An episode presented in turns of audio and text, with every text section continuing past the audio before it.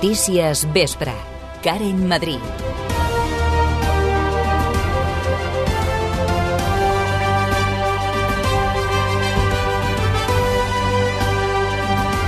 Els Mossos d'Esquadra reforcen la protecció de les víctimes de violència masclista a Sabadell arran del baix nombre d'ordres d'allunyament acceptades. Helena Molís, bona tarda. Bona tarda. Els jutjats de la ciutat deneguen més de la meitat d'ordres d'allunyament demandades. A més, les concedides a vegades no es compleixen, com assenyala la capura a la cap del grup d'atenció a la víctima dels Mossos d'Esquadra, Cristina Cabero. Hi ha moltes víctimes que demanen ordre de protecció. Nosaltres també com a grup d'atenció a la víctima ens encarreguem de que les, aquestes ordres de protecció que s'han otorgat des del jutjat que es compleixin.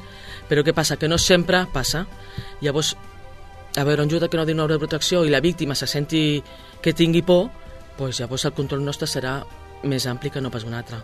Uh -huh. Hi ha víctimes que et demanen, escolta, vull que em truquis o cada setmana i nosaltres cap problema truquem i, i fem el control que sigui. Uh -huh. També ens carreguem d'això de controlar que les ordres de protecció es, mm, es, es compleixin, el temps de protecció dels Mossos a les víctimes de violència masclista depèn de cada cas. En cas d'ordre d'allunyament s'allarga fins que es converteixi en una sentència ferma. Humanitzar els espais del Servei de Salut Mental i Infantojuvenil del Taulí serà el repte de la sisena edició de la Sabadell Corre pels nens i les nenes. La cursa recaptarà fons per intervenir en l'estrenada planta d'hospitalització del servei, així com al centre de dia i a les consultes externes. Avui s'han obert les inscripcions de la iniciativa programada pel 21 de maig i amb un recorregut amb sortida sortida i arribada al taulí. I en esport, Sergi Garcia podria ser una de les principals novetats a la convocatòria per al partit del Sabadell d'aquest diumenge. Garcia ja s'entrena amb normalitat de manera que podrà enfrontar-se a la UD Logroñés. Per contra, serà en baixa per sanció Alberto Fernández i el tècnic Miqui Lledó i per lesió Isma Atuman. Aquestes i altres notícies les repassarem en la pròxima mitja hora amb la Rocío García a les vies de so. Notícies Vespre. Tota la informació a Ràdio Sabadell. Als serveis. Aquesta hora trobem diferents punts afectats per retencions a la xarxa viària més propera a Sabadell. A la C58 hi ha mig quilòmetres de cues a Sant Quirze en sentit nord, en sentit Terrassa. A la C33 també hi ha retencions al seu pas per Montcada, un quilòmetre i mig en sentit Barcelona. Si mirem ja a la ciutat comtal, trànsit dens a la ronda litoral entre la Barceloneta i el Fòrum en els dos sentits i a la ronda de dalt entre Sarrià i el túnel de la Rovira també en els dos sentits. El temps. Nou descens de les temperatures. Avui tenim 11 graus a Sabadell, un grau menys que ahir, però 4 menys que fa dos dies. Què hem d'esperar de cara a les pròximes hores? Li preguntem a la Carme Farnell. Bona tarda. Bona tarda. Durant les properes hores continuarem tenint un temps inestable. S'espera que mantinguem aquesta precipitació, aquests ruixats, que es centraran sobretot cap a la meitat oest del país, els més actius, sobretot cap a la cara sud del Pirineu i del Prepirineu, però podran aparèixer alguns ruixats intermitents a d'altres indrets, especialment, com deien, cap a la meitat oest del territori. Però sí que llarg de la tarda podran afectar ja més a punts de la meitat est i d'altra banda també cal dir que de cara al final del dia s'ha de generar una banda de ruixats pel sud del país i que tendirà a escombrar de sud cap a nord. Aquesta banda de, ruixats, aquests han de ser força actius i a més podran anar acompanyats de tempesta i fins i tot d'alguna calamarsada i d'altra banda també cal destacar l'avís que han fet des d'aquí el Servei Meteorològic de Catalunya ja que es podran acumular gruixos destacats de neu cap a les cotes més altes del Pirineu. D'altra banda també cal dir que aquesta banda de precipitació acabarà escombrant ja de cara a aquesta propera matinada a diversos municipis del país però serà ja de cara demà quan tendirà a marxar demà a primeres hores del matí matí. Això és tot des del Servei Meteorològic de Catalunya. Més de la meitat de les dones que demanen un ordre d'allunyament per violència masclista no l'aconsegueixen. A Sabadell, els jutjats deneguen més d'una seixantena d'aquestes ordres cada trimestre. Davant d'aquesta realitat, els Mossos d'Esquadra han decidit reforçar la protecció en aquestes víctimes. Ho ha explicat el, el tinent dels Mossos, Enric Cervelló, al programa El Cafè. Que nosaltres donarem la màxima assistència, que hi hagi ordre de protecció o no, eh, Mossos eh, actuarem igual, vull dir, si el jutge considera que no, perquè a vegades no és que no vulguin el jutge, sinó és que la llei no, no els hi permet, nosaltres sí que estem autoritzats a pujar el grau de, de protecció, i això sí, sí que es fa. Vull dir, el que intentem que sigui un, un, un tema integral, que és el que comenta la caporal, que treballem en xarxa, amb tots els eh, recursos que hi ha a, a tots els ajuntaments amb els que estem treballant i els serveis socials, tant a nivell d'ajuntament com de, com de la Generalitat. Els agents dels Mossos d'Esquadra de Sabadell han atès unes 600 persones per violència masclista durant el 2022. Sí, totes elles han entrat en aquests circuits de seguiment en què se les acompanya durant tot el procediment legal. Ho explica Cristina Caberó, caporal a cap del grup d'atenció a la víctima. Es fa una denúncia, es fa com un qüestionari de, de valoració del risc. Vale? Tenim, tenim cinc, cinc nivells de riscos a, a les víctimes i segons el seu nivell, que és, tenim cinc, que són el no apreciat, baix, al mig, a l'alt i molt alt. I segons el nivell, doncs, les, les trucades segons el nivell que, que surti o la dependència o, o la sol·licitud de la, de la mateixa víctima. Fem principalment les trucades telefòniques. Un dels moments més delicats per a les víctimes és en el moment en què l'agressor surt en llibertat. Quan s'arriba a aquesta situació, els agents reforcen els seus serveis i fins i tot poden gestionar trobades entre el pare, la mare i els seus fills. A vegades, doncs, si és un agressor, doncs, es pacta un punt de trobada eh, controlat per visitar els fills i hi ha molta casuística. De vegades, doncs, si no hi haurà protecció, es comença una relació més cordial després dels fets, que cada cas és independent. Però sí que hi insisteixen punts, per exemple, a Creu Roja, on l'agressor va visitar els seus fills en control.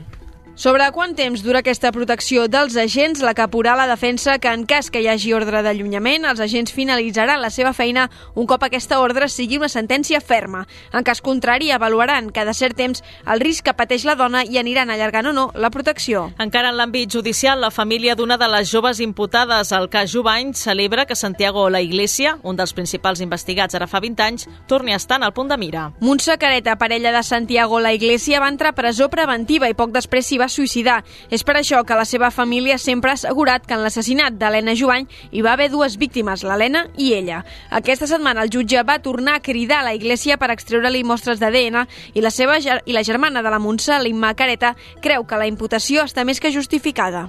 Les mateixes coses que assenyalaven a Montse, assenyalaven el company, el Santi la Iglesia, vivia al mateix pis tenia la vinculació de la UES, però és que a més a més amb el Santi a l'Iglésia encara podíem afegir un altre afegit.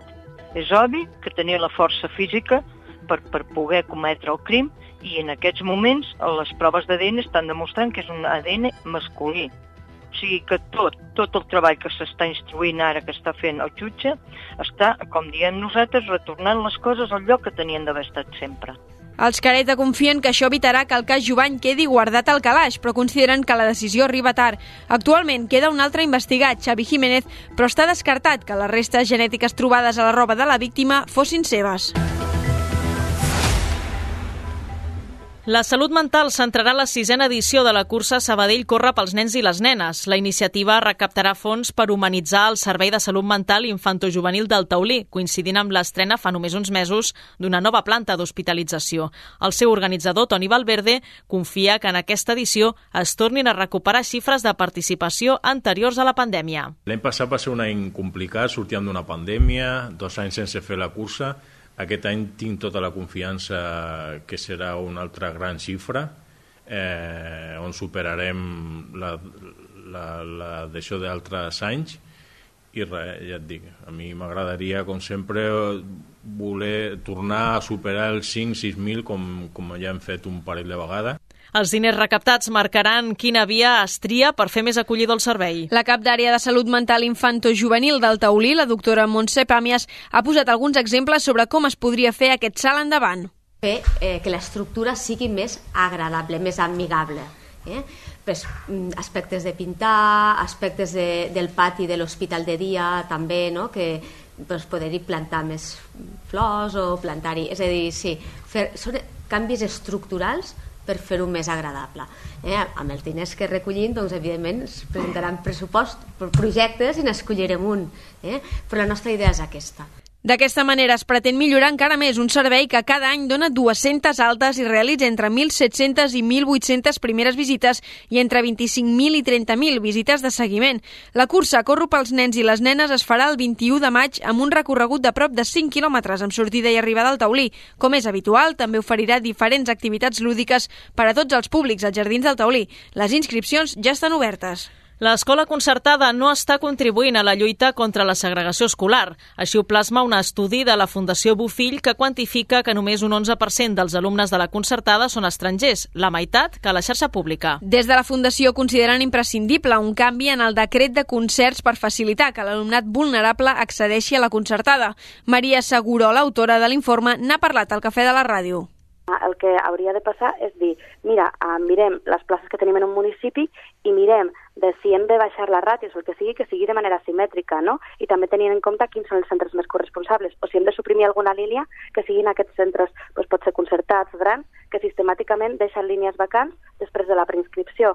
Però s'ha de fer des d'aquesta mirada i per això cal tenir una normativa que ho recolzi i també cal tenir, per altra banda, unes directrius a les taules de planificació que diguin que és així com s'ha de programar l'oferta educativa. Segurola també lamenta que la majoria de les places per alumnat vulnerable reservades per la Generalitat són en centres concertats i les famílies desconeixen que hi tindrien un accés gratuït. Notícies Vespre. L'Ajuntament de Sabadell continua immers en la batalla judicial per poder desmantellar completament les barraques i els horts il·legals de Can Llong i Cifuentes.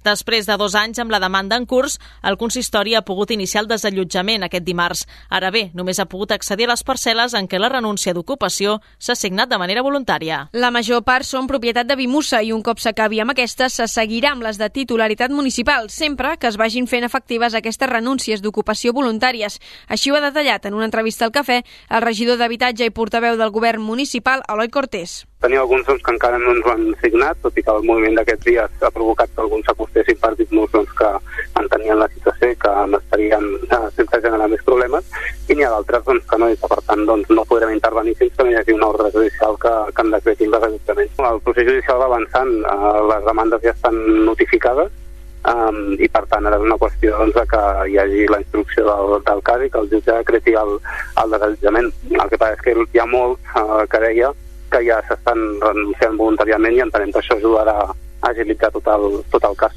L'objectiu és posar fi a les molèsties que han provocat durant anys l'ocupació d'aquests terrenys on s'hi feia de tot menys conrear, segons el regidor. Tot i que la majoria no eren horts, eren construccions eh, precàries amb alguna mena de pati on hi havia persones que anaven a passar el cap de setmana o després en alguns casos on feien festes, feia provocant molèsties, hi havia baralles i també hi havia a vegades inclús un tema d'activitats il·lícites, no? Per tant, li diem morts, tot i que la majoria diria que no, que no eren morts, que eren simplement una caseta amb un tros de, de pati, per dir-ho així, um, on s'hi feien altres coses que no era cultivar enciams. Els treballs iniciats aquest dimarts s'allargaran durant almenys 15 dies més a les parcel·les propietat de Bimussa. Eloi Cortés ha assegurat que hi ha molta feina per fer per enderrocar les barraques, retirar els residus acumulats i deixar els terrenys impracticables per evitar futures ocupacions. El manifest No al quart cinturó al Vallès, sí al transport públic, suma 1.150 adhesions en només dos dies. El text assegura que hi ha una mancança de propostes reals en el projecte i que cal actuar contra les partides pressupostàries que el vol facilitar. Isidre Soler, membre de la campanya contra la infraestructura, recorda que el projecte ja s'ha aturat altres cops i si la Generalitat el dota des dels pressupostos, aniran a judici. En tres ocasions s'ha aturat tota la tramitació del, del projecte.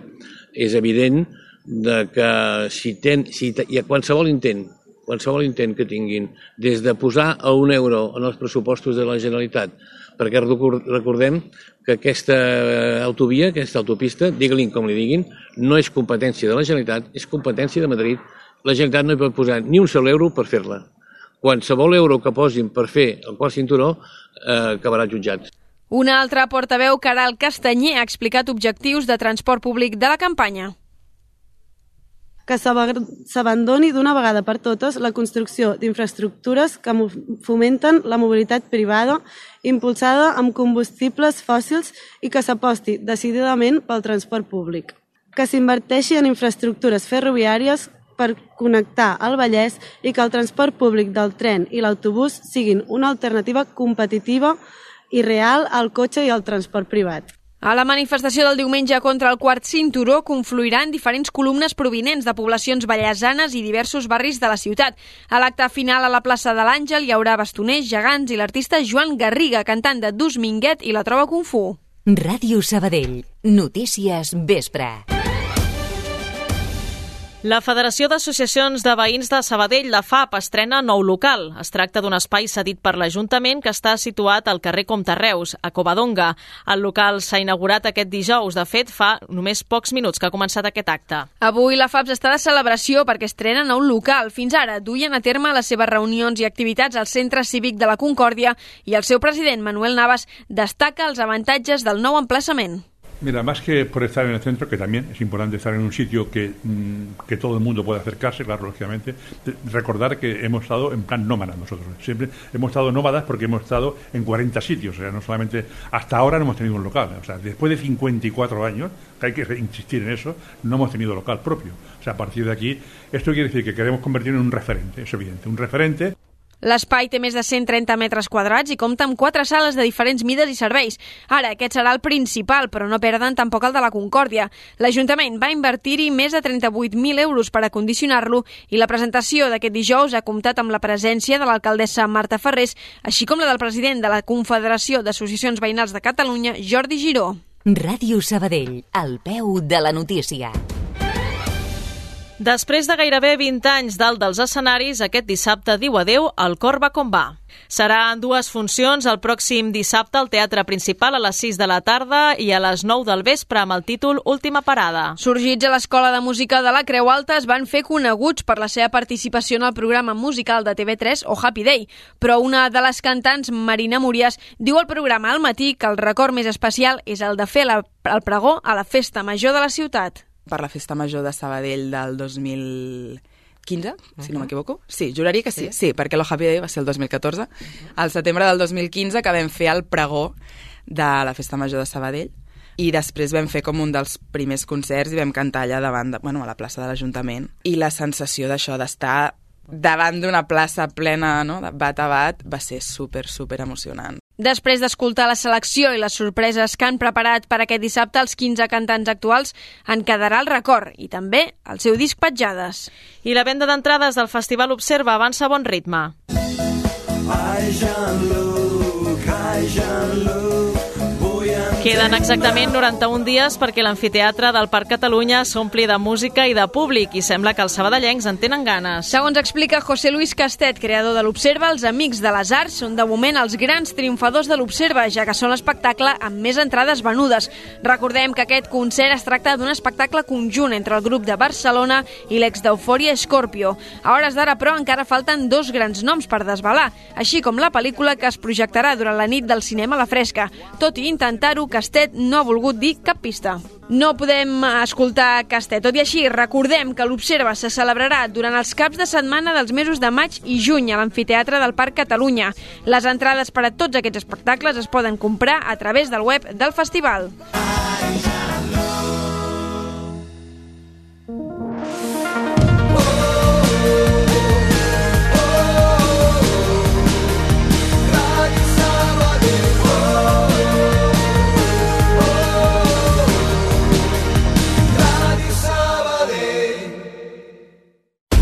Busquem el sabadellenc de l'any. Ens ajudes a trobar-lo?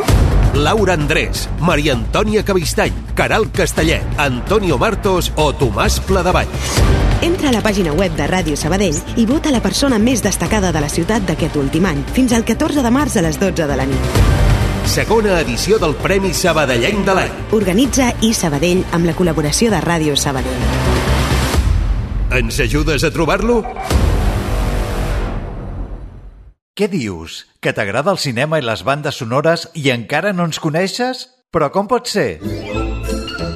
Si ets un apassionat pel món del setè art i t'agrada estar al dia i a més vols gaudir de les millors bandes sonores, aquest és el teu programa. La llanterna màgica, amb Jordi Terradast. Tots els dijous de 9 a 10 de la nit i en remissió dissabtes a les 5 de la tarda a Ràdio Sabadell 94.6. La llanterna màgica. Disponible a Spotify, Apple Podcast i iVox. Ràdio Sabadell. Notícies vespre. Fora de Sabadell i la comarca. El president espanyol Pedro Sánchez es compromet a enviar 10 tancs Leopard a Ucraïna en les pròximes setmanes, quatre més dels previstos. D'altra banda, Sánchez també ha promès al president ucraïnès que provarà d'aprofitar la presidència de torn de la Unió Europea de la segona meitat del 2023 per accelerar la integració d'Ucraïna a la Unió. Rússia reforçarà les seves capacitats nuclears coincidint amb l'aniversari de l'esclat de la guerra amb Ucraïna. Així ho ha assegurat avui el president rus Vladimir Putin, incidint en el reforç de les instal·lacions en terra, mar i aire. Per la seva banda, el president president dels Estats Units, Joe Biden, ha rebaixat l'amenaça i ha descartat que la intenció de Rússia sigui utilitzar armes nuclears en aquest conflicte. Els jutges veuen irreversible el dany provocat per la llei del només sí és sí i calculen que hi haurà fins a 4.000 revisions de penes a violadors. Així ho han advertit vocals del Consell General del Poder Judicial davant de la delegació del Parlament Europeu que està analitzant les polítiques d'igualtat a l'Estat. També han alertat que aquesta realitat no canviarà un cop entri en vigor la reforma que prepara el govern espanyol sense el suport d'Unides Podem i demanen que s'abordi el tema amb celeritat. I Amazon tancarà un centre a Constantí on actualment treballen unes 150 persones. El centre logístic no està directament gestionat per la multinacional nord-americana, sinó per una empresa subcontractada. L'operació no afectarà l'altre magatzem logístic al municipi que va obrir l'any 2021. Esports.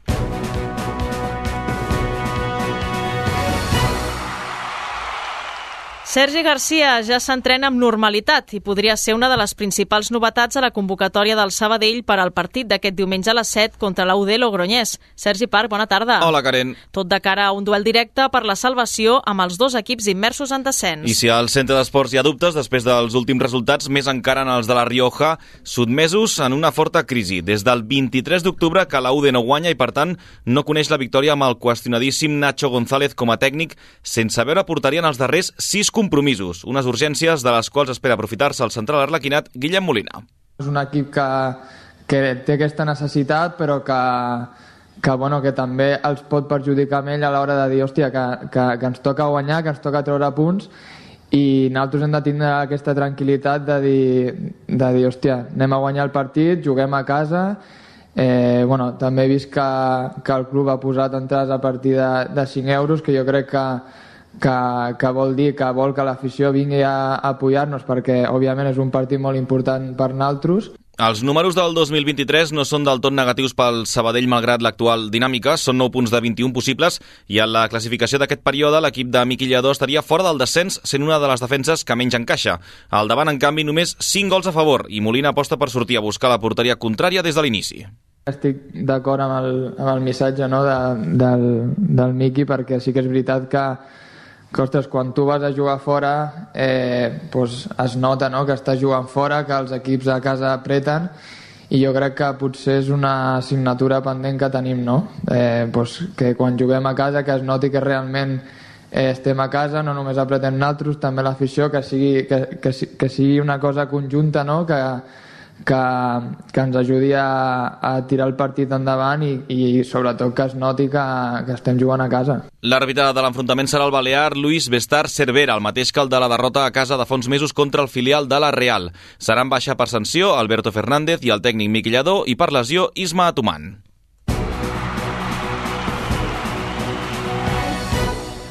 Més futbol en prèvia dels juvenils. El juvenil A del Centre d'Esport Sabadell visita el camp del gimnàstic de Tarragona aquest dissabte a les 4. Els nois d'Edu San José busquen distanciar-se distanciar una mica més del descens i col·locar-se a la part mitjana alta de la taula de la divisió d'honor. L'equip grana, per la seva part, es troba penúltim a la classificació i a 8 punts de la salvació. El davanter laquinat Adrià Petit espera trobar-se amb un rival molt necessitat. Tots els partits són, són perillosos, però, però aquest sí que potser per part d'ells ells ho, ho donaran tot, però nosaltres no serem menys i, i també ho donarem tot per, per seguir amb, per continuar amb la ratxa de victòries i, i seguir encadenant més victòries. Baixem un graó, la Lliga Nacional Juvenil torna després de l'aturada per Carnaval. El juvenil B del Sabadell jugarà a Cerdanyola dissabte a un quart de cinc, en un del en què l'equip de Conrad Garcia buscarà retrobar-se amb la victòria després de dos partits seguits sense guanyar, mentre que el conjunt verd es troba a un punt de les posicions de salvació. Izan Otero, jugador del Sabadell.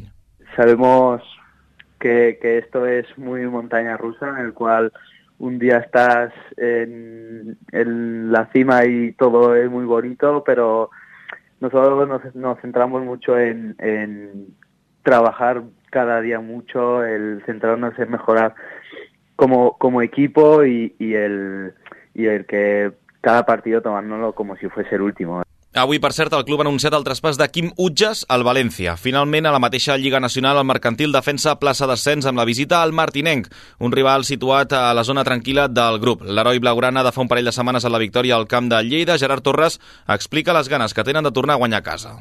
La veritat és que perdre contra Girona a casa doncs, va ser una mica sorpresa perquè no havíem perdut ningú partit a casa.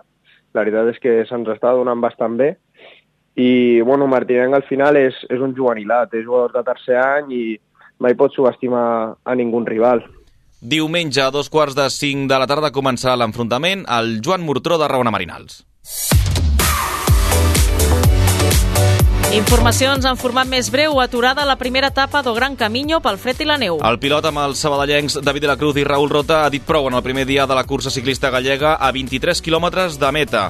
Els tres escapats han continuat rodant fins que els comissaris, veient la decisió del gran grup, ha ordenat que paressin. Rota explica així les dures condicions que han hagut de passar. A la que hem passat per meta ja començava a nevar, que faltarien doncs, uns 30-40 quilòmetres, i bueno, sí que és veritat doncs, que jo, per exemple, doncs, ja portava les mans congelades no? i ja quasi ni les sentia i així l'etapa s'ha donat per acabada i demà se celebrarà la segona jornada amb un recorregut de 188 quilòmetres a la província de Pontevedra. En futbol sala, l'Escola Pia juga aquest vespre a les 8 la quarta ronda de la Copa Catalunya. Els de Pedro Donoso s'enfronten al Castellterçol i ho faran a domicili pel fet de ser de Lliga Superior. De fet, quatre categories separen uns i altres amb els del Moianès militant a segona catalana i els escolapis a segona B. En cas de passar ronda, el rival de la Pia sortiria de l'eliminatòria entre la Fundació Terrassa i el Rubí, que també es disputa avui. Recordem que el Natació Sabadell ja va eliminar el Badalonès fa uns dies i que el Ripollet serà el seu pròxim escull a la competició. També té partit aquest vespre Iker Pajares a l'Squash on Fire Open de Washington, un torneig de categoria bronze dins del circuit PCA. El sabadellenc, que ve de proclamar-se recentment campió d'Espanya, engega la seva participació al torneig directament als vuitens de final com a vuitè cap de sèrie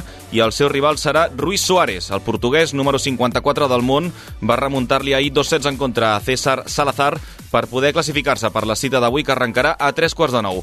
En cas de passar ronda, el del tenis Sabadell s'enfrontarà al guanyador del duel entre el hongkonguès Chukwal Lau i l'egipci Youssef Ibrahim. I ja mirant el cap de setmana, el primer equip masculí de tenis taula del Natació Sabadell torna a jugar partit de la primera nacional després de descansar. Els nedadors a priori tenen un compromís assequible per defensar el lideratge del grup amb la visita de dissabte a les 5 de la tarda al Cué al Sant Cugat.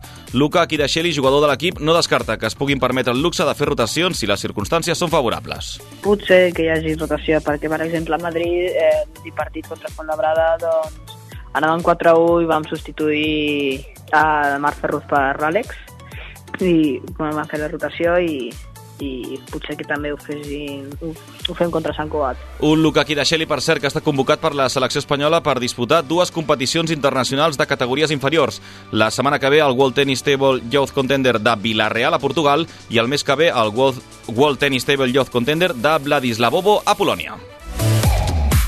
I acabem amb el món de la cistella. El sabadellenc Òscar Trigo és el nou seleccionador de Portugal en la disciplina de bàsquet en cadira de rodes amb l'objectiu d'augmentar les prestacions de l'equip portuguès. La Federació Lusitana busca un canvi radical a la seva estructura i per això ha posat els ulls en la seva figura després de les seves bones actuacions com a seleccionador espanyol. Portugal es troba en el tercer nivell mundial, però tot i això, Trigo li resta importància a la baixa categoria en la qual es troben no és un tema d'on està la competició, sinó la projecció que tenen com a equip. No? És un equip eh, que és jove, és, és un equip que s'està renovant, és un equip que té joves valors i, com sempre dic, eh, amb talent i treball i medis per aconseguir el treball que vols, eh, pots augmentar el nivell competitiu de l'equip. El tècnic de Sabadell, l'ex del Global, compaginarà la seva feina com a professor d'Educació Física a l'Escola de la Ciutat Jesús Salvador amb la seva estada al País Veí. Gràcies, Sergi. Bona tarda. A tu, Karen.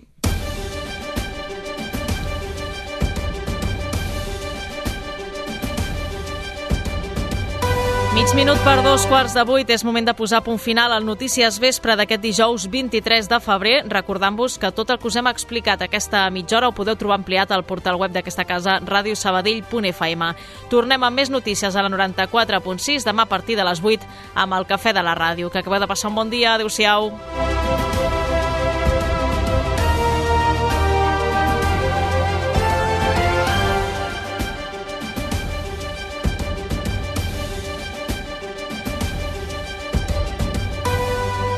Allà on siguis, escolta'ns online. En directe.radiosabadell.fm